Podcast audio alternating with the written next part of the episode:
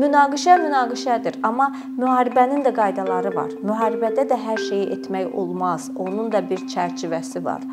Və adətən deyirlər ki, müharibəni elə aparmaq lazımdır ki, sonra sülh olanda e, birlikdə yaşamaq mümkün olsun. Yəni nə qədər riayət olunsa müəyyən qaydalara, sonradan sülh dövrünə qayıtmaq daha asan olur ölkələr üçün, dövlətlər üçün.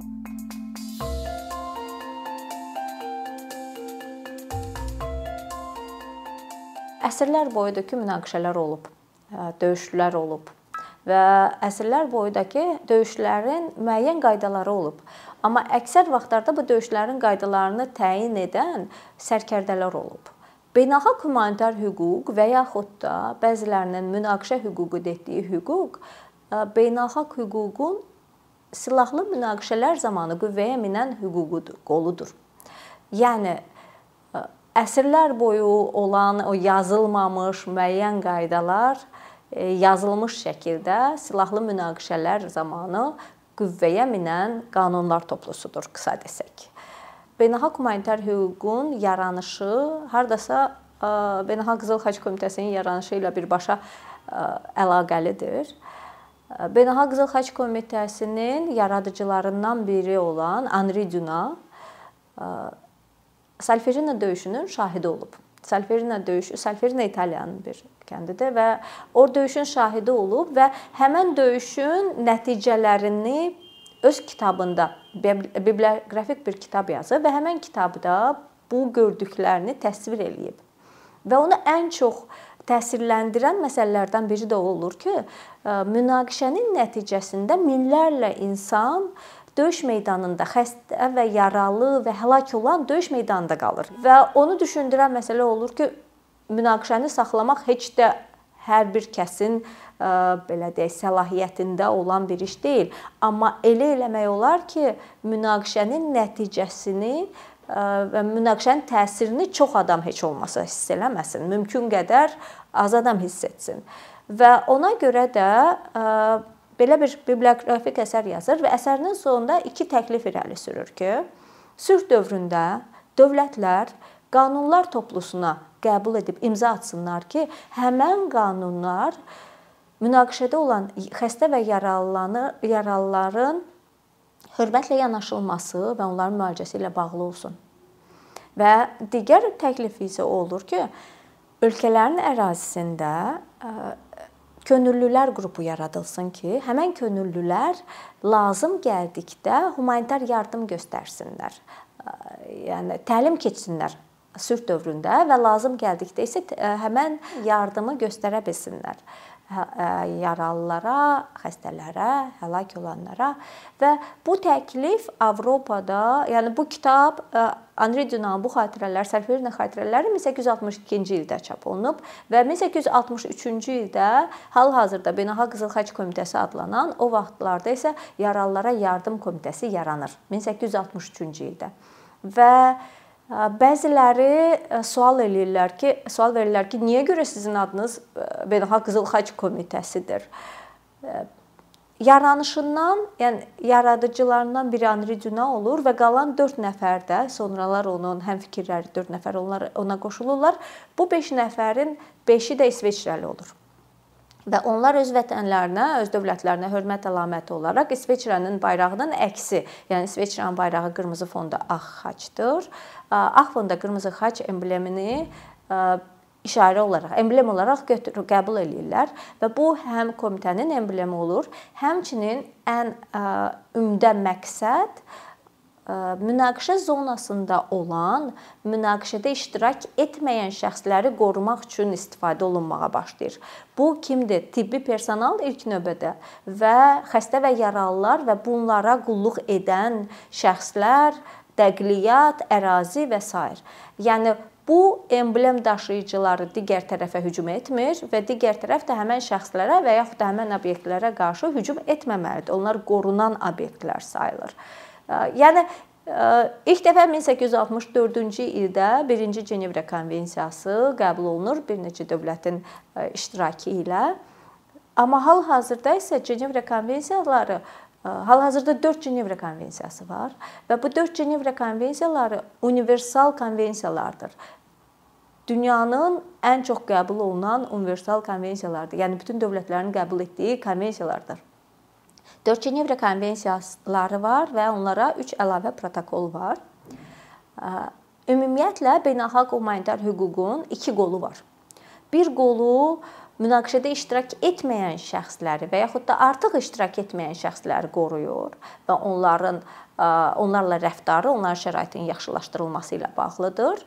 Digər tərəfi isə münaqişənin aparılma metod və vasitələri barədədir. Kimləri qoruyur? Kimlərdir münaqişədə iştirak etməyən?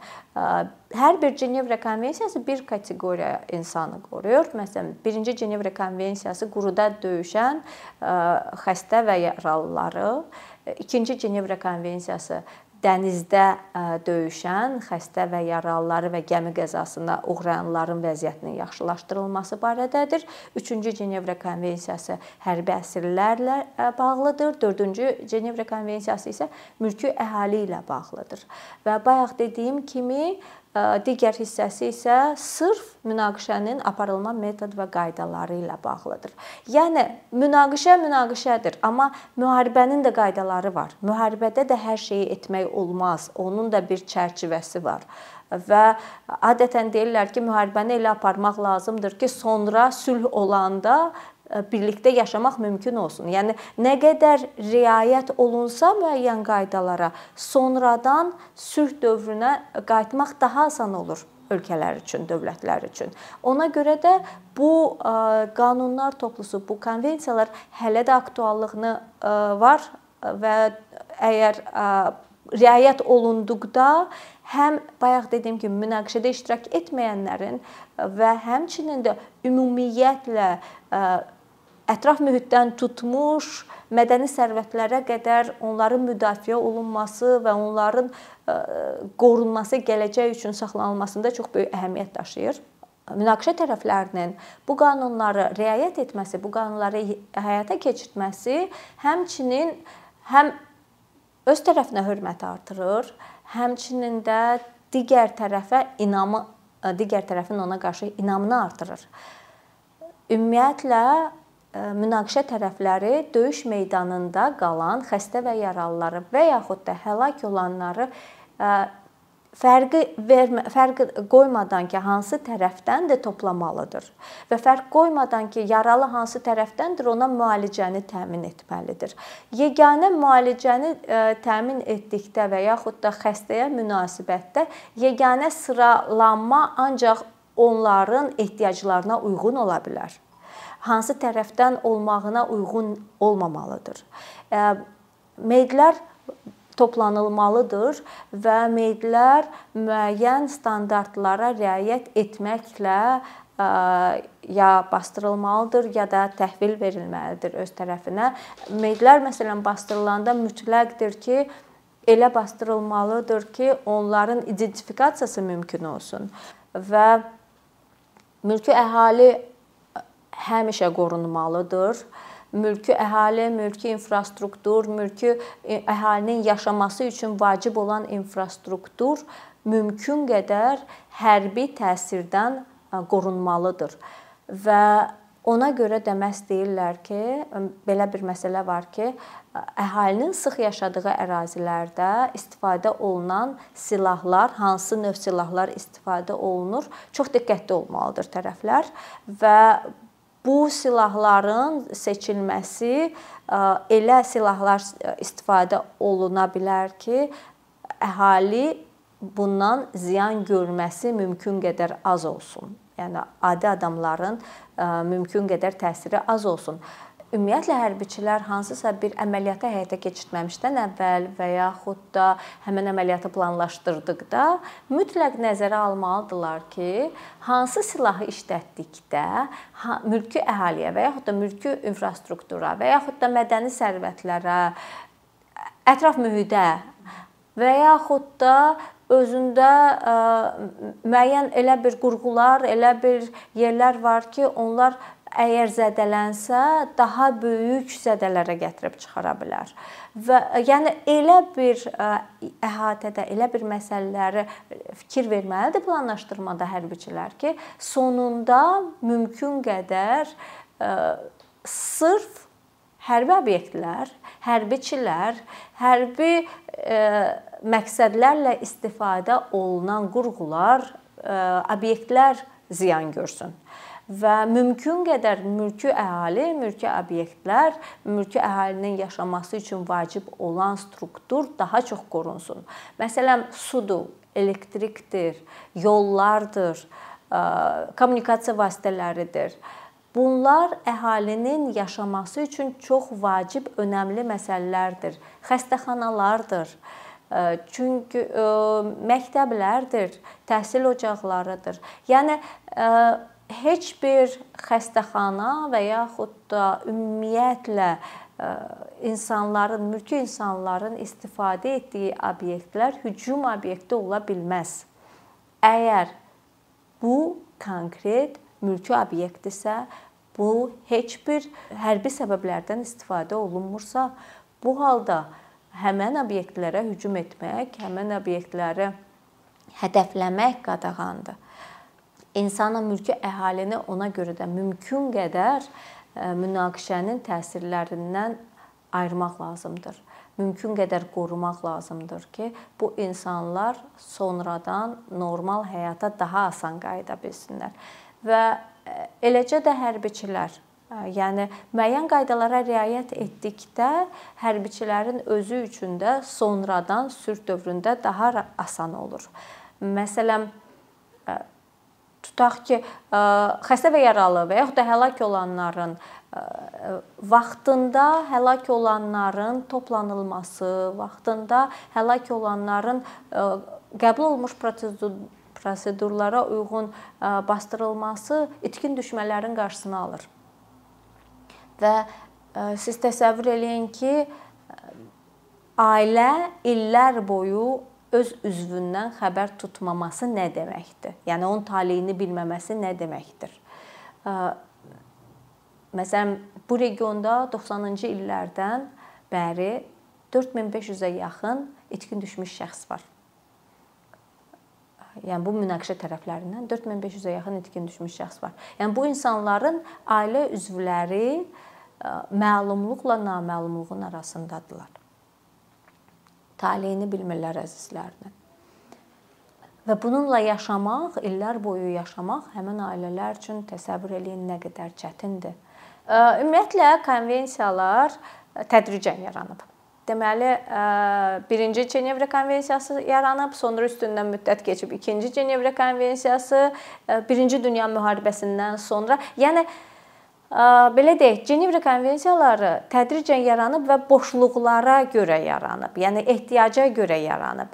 Məsələn, daha çox əvvəllər quruda döyüş idi deyə quruda döyüşən xəstə və yaralıları və həlak olanların ya vəziyyətin yaxşılaşdırılması ilə bağlı və o onlara qulluq edən tibbi personalla bağlı 1-ci Cenevra konvensiyası yaranıb. Sonra dənizdə döyüşlər və gəmi qəzasına uğramışlarla bağlı vəziyyətin yaxşılaşdırılması ilə bağlı 2-ci Cenevra konvensiyası yaranıb. Yəni orada döyüşən xəstə və yaralılar və gəmi qəzasına uğramış insanların vəziyyətinin yaxşılaşdırılması ilə bağlı konvensiya və 1-ci dünya müharibəsindən sonra isə hərbi əsirlərlə bağlı Cenevra konvensiyası qəbul olunub. Yəni 1-ci dünya müharibəsi dövründə hərbi əsirlərin sayı daha çox oldu və onların müdafiəsini də qanun boşluqları və ölkələr arasında razılaşmaların o boşluqları var idi deyə onların müəyyən məsələlərlə bağlı bu konvensiya qəbul olundu. O ki qaldı 1949-cu ildə 1949-cu ildə əvvəlki konvensiyalar redaktə olundu və bir əlavə konvensiya əlavə olundu. Bu da mülki əhali ilə bağlı. Çünki 2-ci dünya müharibəsi onu göstərdi ki, 2-ci dünya müharibəsi mən ən böyük dəhşətlərindən biri oldu ki, 2-ci dünya müharibəsində mülki əhali, mülki infrastruktur əvvəlki münaqişələrdən daha çox təsir altına düşdü. Çünki əsrlər boyu əvvəllər münaqişələrin əksəriyyəti yaşayış yerlərindən bir çox hallarda uzaq olurdu. Düzdür. hücuma məruz qalırdı yaşayış yerləri.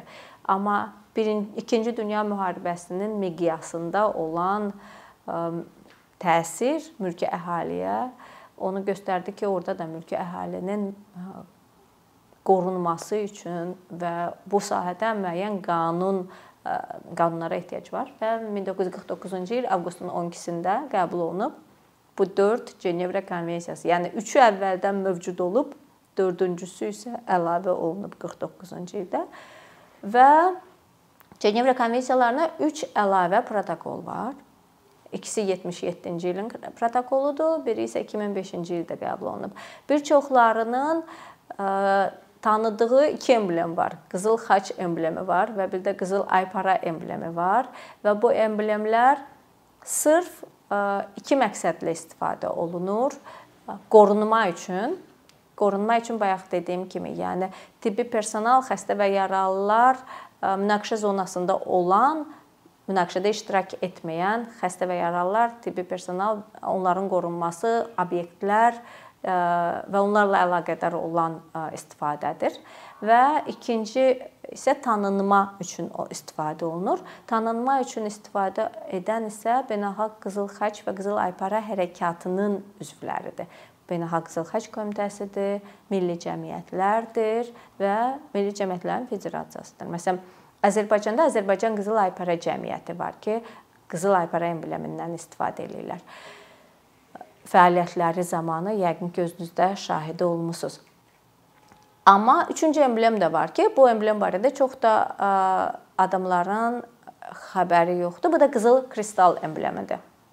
Qızıl kristal emblemi eyni hüquqa malikdir. Qızıl xaçla, qızıl aypara ilə eyni tamamilə hüquqa malikdir və eyni məqsədlərlə də istifadə oluna bilər. Yəni qorunma emblemi kimi istifadə oluna bilər.